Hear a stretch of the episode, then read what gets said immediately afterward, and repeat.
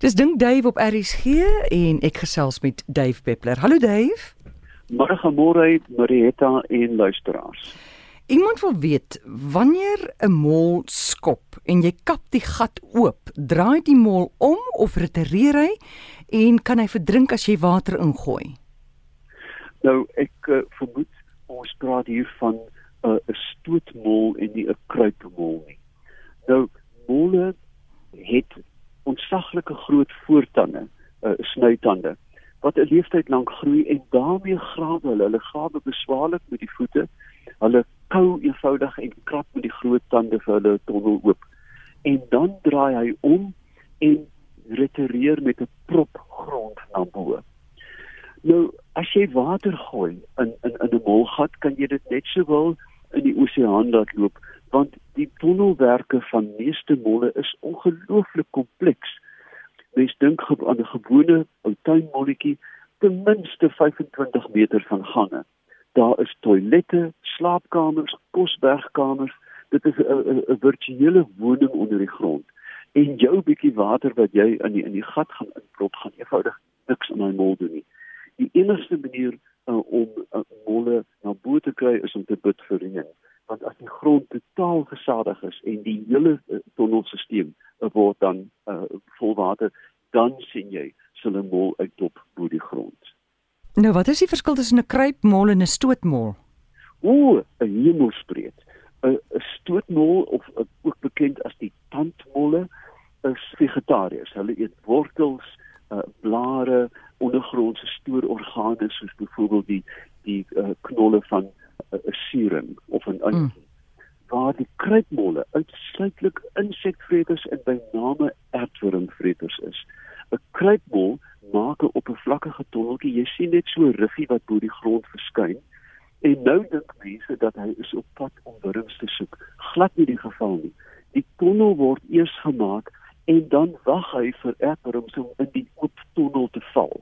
Met ander woorde, die tonneltjie word dan gereeld gepatrolleer en alle insekte en in wurmpies wat dan in die tonnel in beweeg word dan opgeëet. So daar's 'n groot verskil. Die een is 'n vegetariër en die ander 'n vleiseter. Kanse is baie goed enige plek in Suid-Afrika dat jy beide van hulle in jou tuin gaan. Goed, Megan wil weet, hoekom hoor mens jouself nie snork nie? Dit is 'n interessante vraag. Ek dink dat snork gebeur gewoonlik in sogenaamde REM slaap, 'n rapid eye movement sleep wat die diepste slaap is. En dan soos jy weet, ek in slaapwandelaars, jy kan nie met 'n baksteen gooi, hy word eenvoudig nie wakker nie. En ek dink ook tog daar is 'n 'n 'n toestand bekend as slaapapnee waar die, die gesnork so erg word dat die snorker letterlik ophou asemhaal en dan word hulle wakker, maar van die geluid gewoonlik nie. Goed, nou daai REM slaap. Dit is nou die snorker. Jy sê dis wanneer iemand snork. Ek lê dalk langs iemand wat snork. Ek is soek in my REM slaap, maar ek raak aan wakker van sy snork. Ja, nee nee, ek ek besef dit. Ek ek dink nie dis uitsluitlik beperk tot REM slaap nie, maar dit is gewoonlik wanneer jy op jou diepste slaap waar die liggaam hmm. totaal ontspanne is wanneer 'n mens begin snork. Hmm. En dit is verstommend dat jy weet dit, dat die geluid nie jouself wakker maak nie. Dis eintlik maar soos soos liggaamsreuke, liggaam 'n mens is eintlik in 'n groot mate onbewus van die teenwoordigheid van jou eie liggaam. Jy sê vir iemand sê, "Liewe hemel, bad jy nooit nie dat jy ruik na sweet byvoorbeeld." Nou die die die graad van die sweet weet dit nooit nie, want hulle dis 'n toestand bekend as hyposmie waar die liggaam daai fragment ignoreer. En ek dink dieselfde geld vir snorkers dat die brein eenvoudig die eie geluid aan eie liggaam. As iemand langs 'n snorker begin snork, gaan hy besmoontlik wakker word. Ja, dis al volgende vraag. Hoekom kan jy nie jou as, eie asem ruik nie? Sy sê dit die neus sit mos net bo jou mond.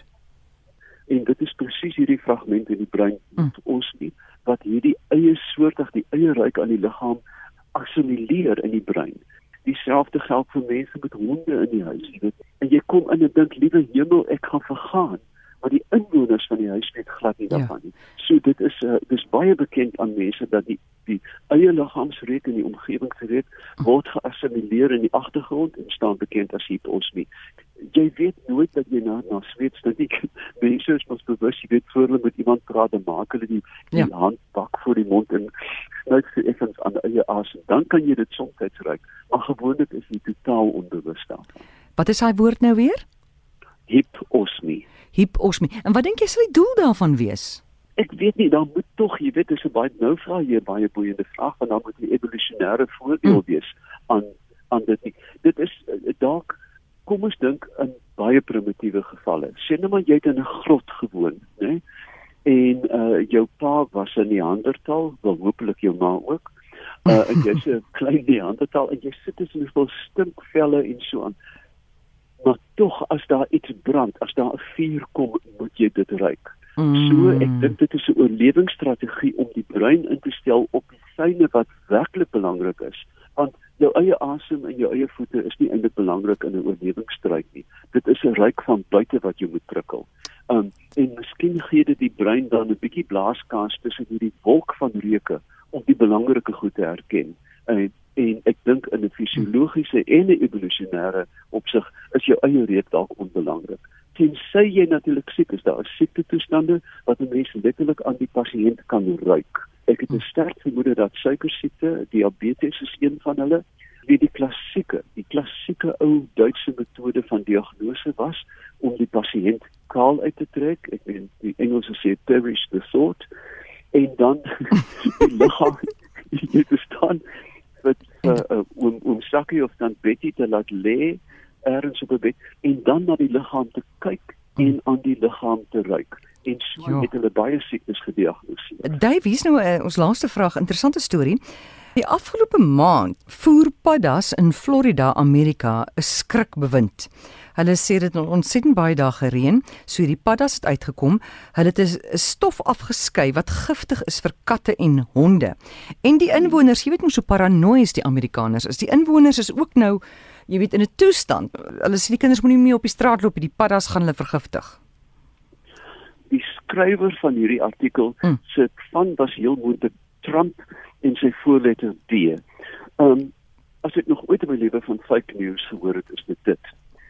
Ehm um, okay. Dis reg oor die wêreld het kliere gewoonlik uh, uh, vir al die skurwe paddas, né? Ons kyk die ou mense het gepraat van 'n P-padda, 'n urine Nou, okay. skurwe paddas het 'n groot uh, ovale klier agter die agter die oor en die oog want as jy dit druk soos jy nou maar 'n puisie sal uitdruk kom daar baie giftige wit, wit toksines van die van die van die verskriklikste gif op aarde die mees effektiewe dodelike gif kom van paddas in die reënwoud van die Amazone jy weet die beroemde poison dart frogs die uh, gifpyl paddas nou ehm um, paddas gaan eenvoudig nie rondspring en gif afskei nie. Dit is as hulle raak gery word, as hulle moet mm. gekwes word, as iemand op hulle trap, as huisdiere met hulle speel, as kinders met hulle speel. Die Unie van Paddawerkers sê, manne, kom ons pak vir Florida. Ons gaan 'n skrikbewind voer. Diere voer nooit 'n skrikbewind nie. Dis mense wat eenvoudig skrik. Mm. Maar Dave, so dit is nie gevaarlik vir mense nie as 'n padda iets afskei moenie sommer lukraak begin paddas soen nie want die kans op 'n prins of 'n prinses is redelik skraal. Jy weet, ek het ook eendag in 'n in 'n televisieprogram gesê mens kan paddas soen, maar wat maak ek nou met 'n prins op my jare? Ja, dit hang van die dit hang af van die padda wat jy soen amore. Ehm um, as jy van die Amazone gaan paddas soen, is dit jou laaste kus op aarde, jy weet. Uh dis van kus na kus baie gou normaalweg is dit 'n baie slegte afskeid as dit melkerig mm. brand die tong moet dit om vaders naam nie in die oë kry nie. Ehm uh, jy weet was uit met melk of water.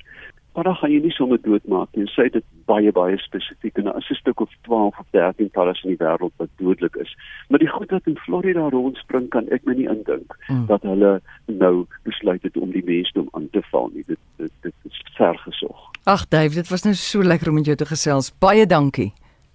Goed, groetnis tot volgende week. Besoek gerus Dave se Facebookblad. Dit is Dave Peppler.